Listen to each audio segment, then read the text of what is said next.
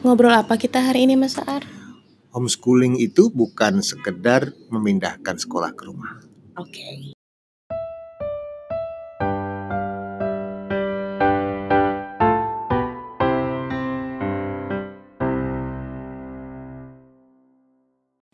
jadi kita hari ini mau ngobrolin kan tentang kalau homeschooling itu bukan memindahkan sekolah ke rumah. Kenapa iya, Mas Ar uh, pengen ngobrol tentang ini hari ini? Iya, uh, banyak sekali kalau orang cara homeschooling itu terus uh -uh. kebayang-bayangnya pasti sekolah tapi di rumah gitu kan ya. karena pertanyaannya adalah terus nanti uh, gimana belajarnya? Apa gimana ngajarnya? Gimana ngajarnya? Nggak, nggak ngerti materi fisika uh, kimia oh ya itu seperti yang lagu yang kemarin ya di ngobrol.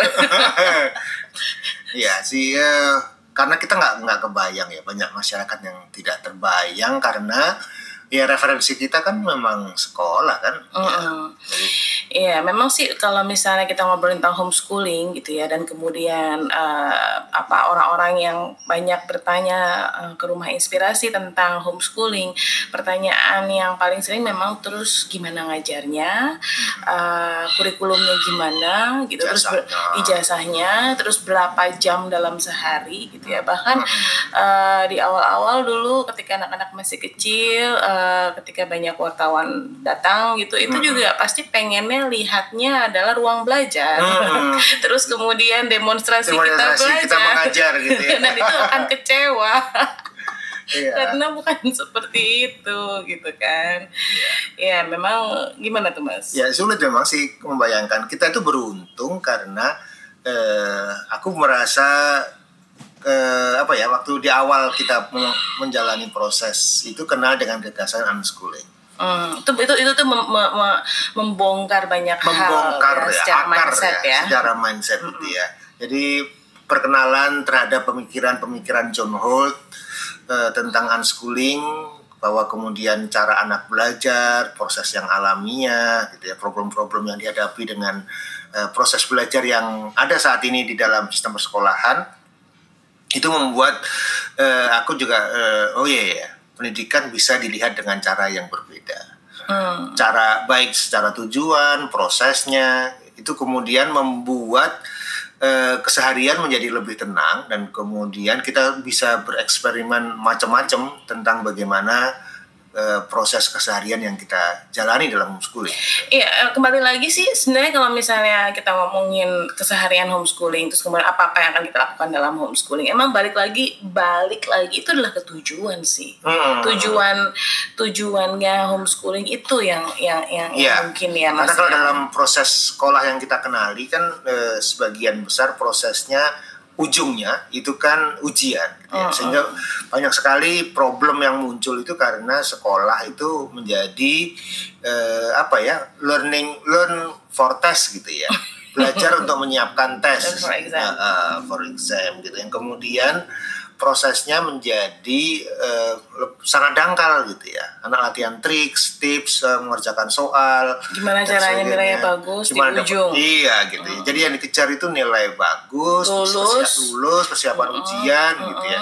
Terus uh, game plan-nya itu adalah dapat nilai bagus karena itu menjadi modal untuk masuk ke jenjang berikutnya supaya dapat sekolah yang bagus.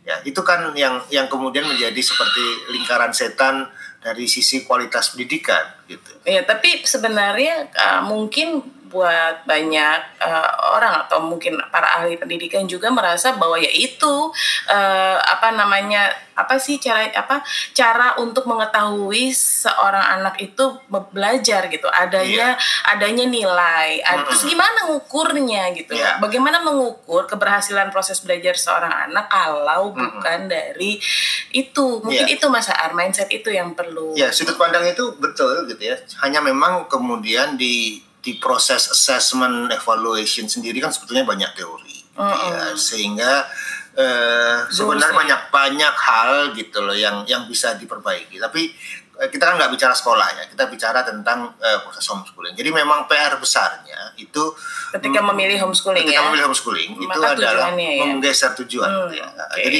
mengenali bahwa ada tujuan-tujuan yang berbeda dengan sekolah ada tujuan-tujuan yang mungkin kalau boleh dikatakan lebih substansial mm-hmm. sehingga kalau kita selalu mengatakan ya punya visi lah gitu ya. Visi pendidikan keluarga gitu kan? Mm. karena eh, homeschooling ini kan berbasis pada keluarga gitu. Jadi bukan memasukkan anak kita ke sebuah sistem dan kemudian berjalan, gitu. tapi berangkat dari eh, apa sih yang dianggap ideal oleh orang tua. Iya, gitu. mungkin biar teman-teman pendengar nggak bingung, kita kasih sampel ke kita ya. ya. Jadi kalau di kita sendiri eh, tujuannya apa nih, Mas? Ketika ya. apa dalam proses homeschooling ini? Ketika anak-anak usia dini eh, goalnya adalah memang membangun bonding antara anak-anak mm -hmm. bersama dengan kita Terus kemudian mengikuti saja pertumbuhan alamiah mereka dari sisi fisiologis, fisik, juga keterampilan-keterampilan dasar. Itu kan yang yang ya, yang bisa kita lakukan. Mm. Terus kemudian ketika anak semakin besar eh, adalah menyiapkan mereka menjadi pembelajar mandiri. Mm. Ya, itu goal yang paling paling utama. Ultimate ya, ya, ultimate goalnya dalam proses belajar. Jadi eh, bukan kon penguasaan kontennya ya bukan bukan hanya. Bukan hanya. Bukan mm -hmm. hanya penguasaan konten belajarnya. Bukan hanya lulus bahkan kita malah nggak mikir tentang lulus lulusan itu kan. Yang penting adalah anak-anak bisa menjadi pembelajar mandiri. Yeah. karena eh, dunia ini kan sudah bergerak sangat cepat sekali ya. Informasi berubah setiap saat dalam artian eh, hal-hal yang dipelajari oleh anak-anak itu sangat mudah untuk menjadi usang Yeah. Sehingga ya kemampuan adaptabilitas itulah yang penting gitu. Ya mungkin tentang pembelajaran mandiri ini kita perlu ngobrol di podcast yang terpisah kali ya Mas Arya karena um, bagaimana menjadikan anak uh, sebagai pembelajar mandiri itu juga satu obrolan yang mungkin bisa setengah jam sendiri bisa itu. Lebih, bisa itu satu sesi webinar itu. itu satu sesi webinar. Iya biasanya satu sesi. Oh, bukan satu sesi sekarang malah satu empat sesi. Uh, uh, karena ada aspek budaya belajar, ada aspek keterampilan belajar uh, atau learning skill ya dan ada banyak lagi ya. Nanti kita akan ngobrolin nah, mungkin ya di salah satu uh, podcast, podcast kita, kita yang mendatang ya. Ya jadi tadi kalau misalnya kemudian uh, pengen homeschooling atau hmm. memang menjalankan homeschooling maka lagi-lagi kembali ke tujuannya hmm. supaya kita nggak sekedar memindahkan sekolah ke rumah. Ya, gitu ya. Dan jadi harus masuk ke tujuan lebih substansial hmm, gitu ya. ya. Bukan sekedar mencari bukan nilai. sekedar nilai, bukan hanya sekedar mencari jasa hmm, gitu. Gitu ya. Dan kemudian kita apa bukan cuma sekedar memahami hal-hal yang kognitif gitu ya. Hmm. Gitu kan, ya. ya karena kan kalau di sekolah kan ujiannya ujian tes pemahaman, belajar memahami. Tapi kan sebenarnya pendidikan sendiri kan luas, ada karakter dan sebagainya. Tapi kan susah gitu kalau dalam konteks sekolah. Iya. dalam konteks homeschooling itu sangat sangat memungkinkan gitu ya. Iya, dan mungkin juga uh, kemudian turunannya itu adalah materi belajarnya. Biasanya pertanyaannya kan hmm. kan itu, oke okay, oke okay, saya dapat deh uh, apa namanya aku pengen anaknya tidak hanya belajar untuk hmm. sekedar lulus atau apa gitu ya supaya hmm. anak jadi pembelajar mandiri, tapi terus gimana apa materinya itu seperti apa? Karena kan pertanyaan yang berikutnya biasanya saya nggak bisa uh, fisika atau kemudian hmm. kimia gitu. Hmm. Gimana nih me, me, menjalani atau kemudian gimana cara ngajar anak biar suka matematika gitu. Hal-hal yang disebut pasti kayak Iya betul karena, karena referensi pengalaman hidup kita kan memang sekolah. Iya dan ya. sekarang kan yang pandai itu kan adalah yang yang memahami itu atau kemudian hmm. iya kan literasi juga kan sebenarnya juga salah satu yang ini. Ya literasi itu penting karena itu basic dari ya, proses ya, juga belajar. Penting. Nggak bukan dalam eh, kalau kita menggali informasi kita mencari informasi pengetahuan dan sebagainya basicnya memang literasi iya. tapi literasi itu bukan kan literasi bukan teori apa, ya betul gitu. bukan teori tentang grammar dan sebagainya mm-hmm. tapi lebih ke keterampilan uh, membaca memahami yang dibaca ya keterampilan mendengarkan kalau kita bicara perluas literasinya ya mm-hmm. dan kemudian memahami yang didengarkan bisa menceritakan ulang menyarikan itu itu bagian dari keterampilan penting uh, literasi untuk uh, supaya anak-anak bisa belajar apa saja. Iya, kalau kembali kayak tadi misalnya ngomongin mata pelajaran nah, matematika pun gitu ya. Matematika hmm. kan memang juga penting. Logika, tapi ya. dari sisi logiknya kan ya. gitu. Kalau misalnya apa bukan bukan yang terlalu gimana gitu hmm. maksudnya. Jadi kalau di sistem sekolah kan berbasis mata pelajaran gitu ya Sementara kalau kita homeschooling kita lebih fleksibel. Karena kalau di sekolah itu kan eh, ada ekstra ada kurikuler, ada ekstrakurikuler -uh. gitu ya. Dan kemudian fokusnya betul-betul pada kurikuler, uh pada mata pelajaran. Sementara ya seperti yang kita jalanin, kita kan sebetulnya lebih fokus ke ekstrakurikuler gitu ya. Tapi tadi ekstrakurikuler itu ada ada kurikulernya juga. Ya, kayak, bisa dibangun kaitannya tentu saja dengan dengan pemahaman orang tua. Iya betul. Gitu. Ya seperti kita misalnya masak gitu uh, kan, itu kan uh, ekstrakurikuler kalau yeah. di sekolah. Tapi kan sebenarnya di situ juga matematika juga ada. Ya misalkan kegiatan pramuka, pramuka itu kan menjadi ekstrakurikuler oh, iya, gitu ya. Sebenarnya kalau kita kan melihat itu sebagai hal yang yang sangat penting gitu ya. Sehingga hmm. anak-anak ikut pramuka dan dari pramuka itu banyak sekali pembelajaran terutama berkaitan dengan social skill gitu ya komunikasi, kolaborasi, hal-hal yang sangat dipentingkan di zaman sekarang gitu. Iya betul ya. betul betul. Uh, Terasa banget ya ketika anak-anak hmm. uh, masuk remaja dan mereka ikut pramuka dari apa uh, Yudis kan sekolah hmm. tata kan lebih kecil lagi gitu ya. hmm. ya itu itu kerasa sih memang. Ya jadi hal semacam itu kita pentingkan. Jadi kalau dalam homeschooling sangat mungkin gitu ya menu utamanya itu justru di eh, yang di sekolah itu disebut dengan ekstrakurikuler ketika anak-anak mengembangkan minatnya pada hal-hal tertentu gitu ya. Mm-hmm. Jadi pada waktu kita berproses dulu kan Yudis di awal-awal sangat senang sekali dengan desain ya kan mm-hmm. kemudian teknologi. Uh, teknologi gitu ya Tata suka dengan craft dengan prakarya dan sebagainya yang dalam konteks persekolahan kan nggak terlalu penting gitu. Mm-hmm. Tapi kita memberikan ruang yang besar sekali. Duta sekarang dengan catur dan basketnya yang menjadi semuanya menu utama gitu ya, menu utama di dalam kegiatan homeschooling. Dan itu nggak apa-apa. Iya iya iya iya. Ya memang juga salah satu hal ya ya ketika kemudian ngomongin tentang homeschooling itu tadi istilah oke okay, udah kebayang tujuannya terus kemudian mungkin oh oke okay, ya materi belajarnya kita banyak banyak mengeksplorasi um, hal hal-hal di luar materi pelajaran gitu ya. Uh -huh. uh, tapi terus kemudian kan ya isunya tetap tuh, tapi gimana ngajarnya gitu.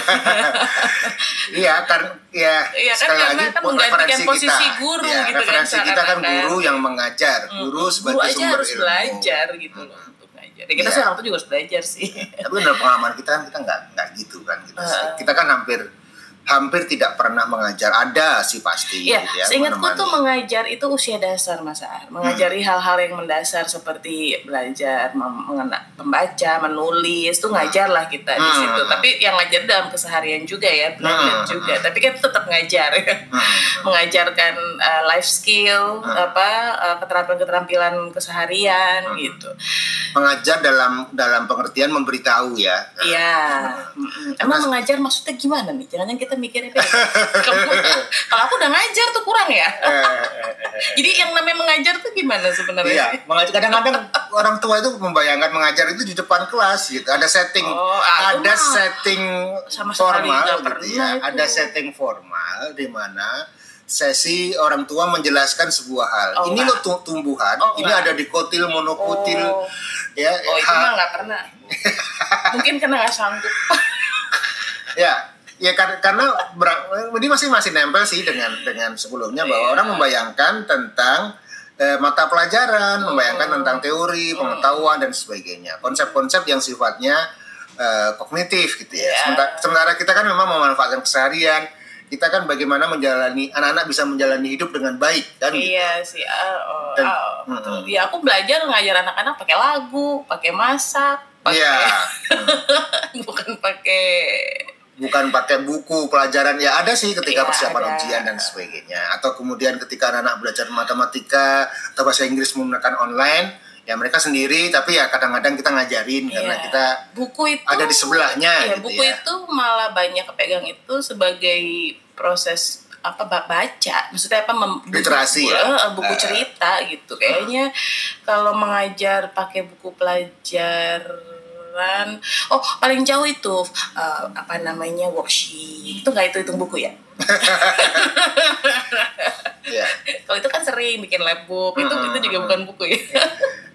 Ya itu belajarnya kan sebetulnya learning by doing ya. Bukan dengan cara dikasih tahu mereka tahu kemudian mereka atau mereka menghafal. Kan bukan bukan seperti itu. Karena goalnya sekali lagi bukan hal yang kognitif bukan pengetahuan kan tapi skill ya kemudian eh, kualitas keseharian mereka gitu. Ya soalnya gini mas kalau buat aku ya aku tuh percaya bahwa um, apa namanya dalam proses homeschool ini bersama anak-anak itu kita itu sebenarnya kan fasilitator gitu. Iya.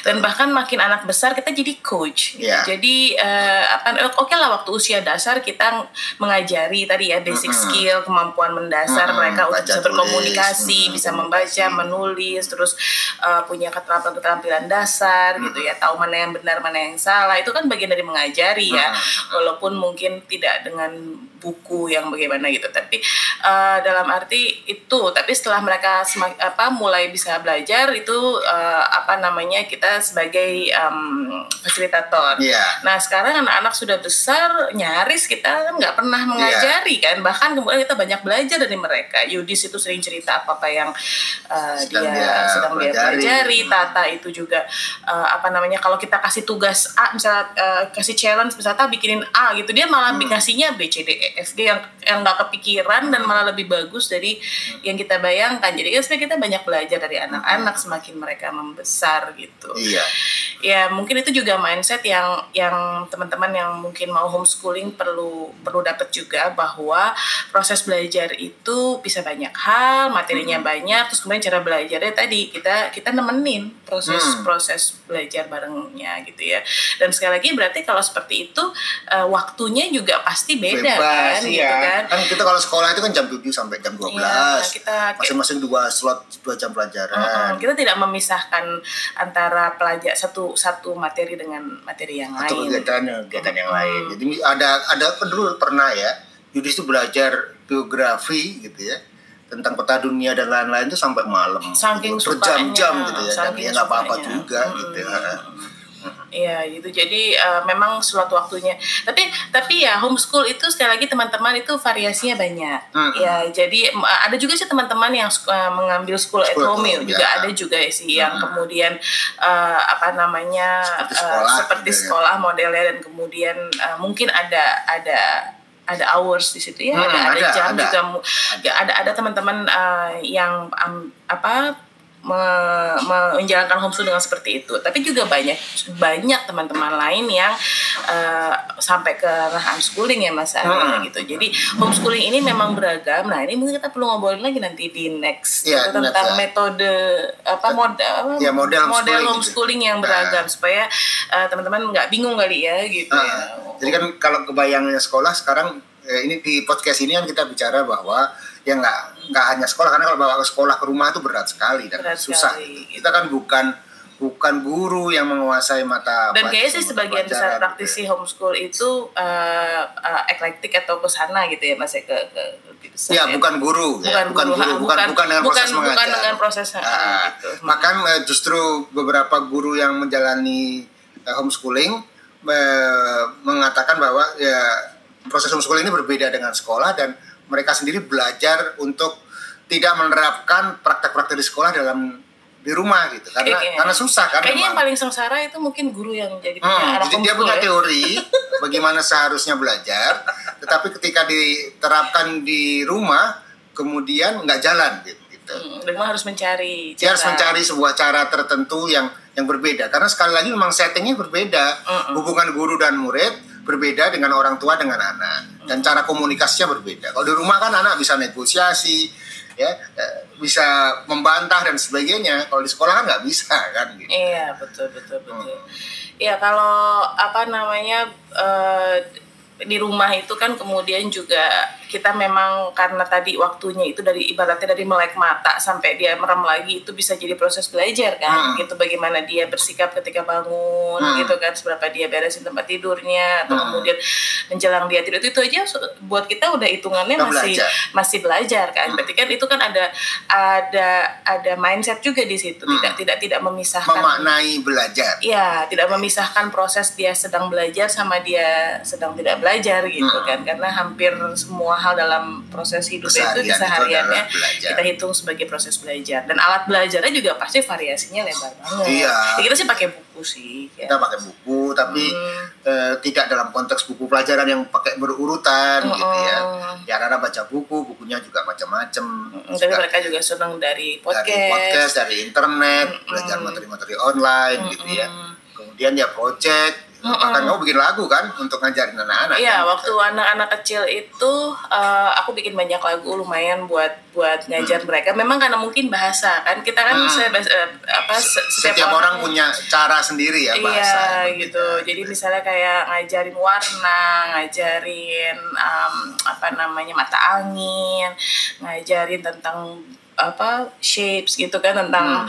tentang angka tentang, tentang membaca tentang apa disiplin apa ya kerja keras, kerja keras gitu ya. apa jadi kalau misalnya anak-anak lagi uh, beres-beres tuh nggak nggak cuma ya beres-beres tapi sambil nyanyi gitu itu kalau kalau buat aku itu al itunya apa namanya hmm. alat alat belajar karena karena uh, aku kerasa banget buahnya itu adalah anak-anak tuh kayaknya nggak kerasa kalau mereka belajar Hmm. Aku ingat ngobrol sama Yudis dan dia, uh, aku tanya, uh, Yudis kamu kapan belajar ini? Ah, kapan ya? Dia tuh kayaknya mungkin buat dia karena, dia karena sudah menyatu dengan keseharian, iya, rasanya iya. santai, tidak ada hal yang khusus yang dia lakukan. Uh, gitu. Kayak dia mungkin apa namanya uh, melek apa bangun lahir gitu udah langsung bisa baca gitu kali perasaan dia. Jadi mungkin harus kasih judul effortless learning. Oh.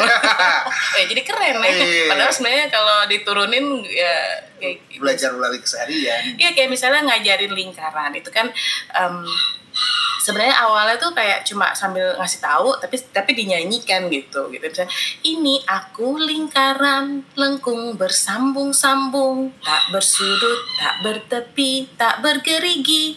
Ayo carilah aku di benda sekitarmu. Lihat kiri lihat kanan bisakah kamu? Ya terus kan itu sebenarnya kan ngajarin konsepnya kan. Hmm. ya terus konsep habis, lingkaran ya? iya konsep apa sih itu lingkaran? Mm -mm, habis itu ya baru kita hunting kan apa itu. Paling anak-anak uh, kecil tuh paling seneng uh, sebenarnya uh, men, apa kayak mana ayo cari plat warna ini ya apa, apa hmm, oh, nomor sekian berapa berapa jumlah jendela di rumah? Uh, uh, uh, gitu. berapa jumlah lampu? jadi itu jadi lebih nempel kan. Hmm. makanya kemudian seperti uang logam atau CD atau roda seperti seperti jam di dinding itulah lingkaran gitu. Nah itu apalagi ayo seperti apa misalnya yeah. tutup toples atau apa itu kamu jadikan lagu gitu ya? Iya gitu. Ya ya sih. Dan ketika diputar terus walaupun mungkin tidak tidak dalam konteks kegiatan interaksi langsung anak-anak kan mendengar meng, apa menyanyikan lama-lama kan kemudian itu mereka sebenarnya seperti memahami gitu ya. apa namanya? Hipnotis ya? Hipnotis. Lagu itu kan sebetulnya masuk ke ruang ya kayak kayak misalnya lagu belajar di mana saja itu kan sebenarnya cara kita bilang sama uh, mem, mem, memberitahu anak uh, nanti kalau ada yang nanya jawabnya gini gitu kan? Hmm. yang apa kan kalau ditanya apa uh, kamu belajar di mana? Di mobil yang berjalan pun aku belajar di supermarket luas pun aku belajar itu kan ya ngomongin tentang metode belajar kan hmm. di mana-mana aku belajar itu yeah. Uh, uh, kita nyanyiin anak-anak nggak sadar tapi itulah yang diomongin karena aku inget banget loh mas momen ini mohon maaf batin jadi uh, aku inget momen ketika di rumah kamu yang hmm. yang pas uh, kita lagi pulang uh, ke Madiun terus kemudian uh, Sari lagi sakit kan terus banyak guru-guru datang hmm. gitu terus uh, pas hari sekolah terus bingung kan Yudis kenapa nggak sekolah nah. gitu. Terus ditanya-tanya itu kan jawabannya Yudis di mana kamu belajar? Di mobil. Berjalan di mobil di supermarket. Wah itu jawaban dari, dari lagu gitu ya. lumayan gitu. Ya gitu sih Ya, jadi uh, ya kalau misalnya teman-teman ada yang mau download uh, lagu-lagu itu aku upload gratis di pelanginada.com gitu ya. Jadi uh, siapa tahu bermanfaat dan ya sih memang udah lama nggak nambah ya Mas Arya. Iya. Soalnya udah gede. Bahasanya berbeda ya. Iya, udah udah udah kok itu itu kayaknya lagu yang terbentuk karena kebutuhan ya. dan kemudian ini. Jadi bisa juga sekarang lagu yang di, yang dibikin karena permintaan. minta lagu apa? Minta lagu gitu. apa gitu ya. kayak penyiar dong minta ya, lagu ya, apa. Ya jadi gimana masalah tadi kembali wrap up tentang uh, apa jadi kalau mungkin teman-teman oke okay, saya mau homeschool saya jangan mindahin sekolah ke rumah terus hmm. gitu. Uh, harus baca banyak banyak referensi ya mungkin ya model belajar model ya? belajar hmm. karena uh, pertama tuh model belajar itu macam-macam dan kemudian uh, tujuannya harus diperluas bukan hanya sekedar ngejar lulus ngejar tes dan sebagainya uh, intinya kan bagaimana membuat kehidupan menjadi lebih baik buat anak-anak, bekal kehidupan dan sebagainya. Jadi itu yang harus dikenali dulu karena baru dari sana kita turunkan menjadi hal-hal yang lebih teknis tentang bagaimana itu dijalani melalui keseharian. Hmm. Oke, okay. ya segitu dulu berarti ya, ya. ngobrol kita hari ini. Uh, mudah-mudahan teman-teman dapat poinnya. Nanti saya juga akan sertakan habis ini lagu lingkaran uh, supaya kebayang dan nanti kalau pengen lagu-lagu yang lain download aja gratis dari pelanginada.com. Dan okay. kita ketemu lagi di ngobrol bersama eh ngobrol bareng rumah inspirasi uh, episode-episode yang lainnya. Dah. Ini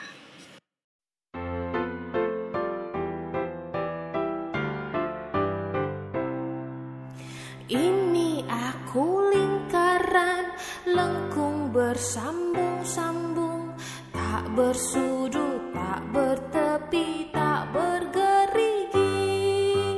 Ayo carilah aku di benda sekitarmu.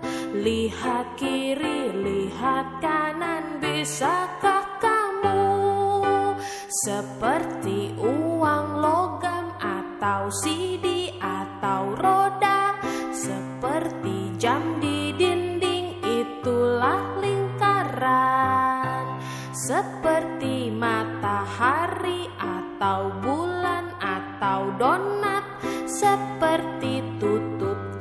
Toples itulah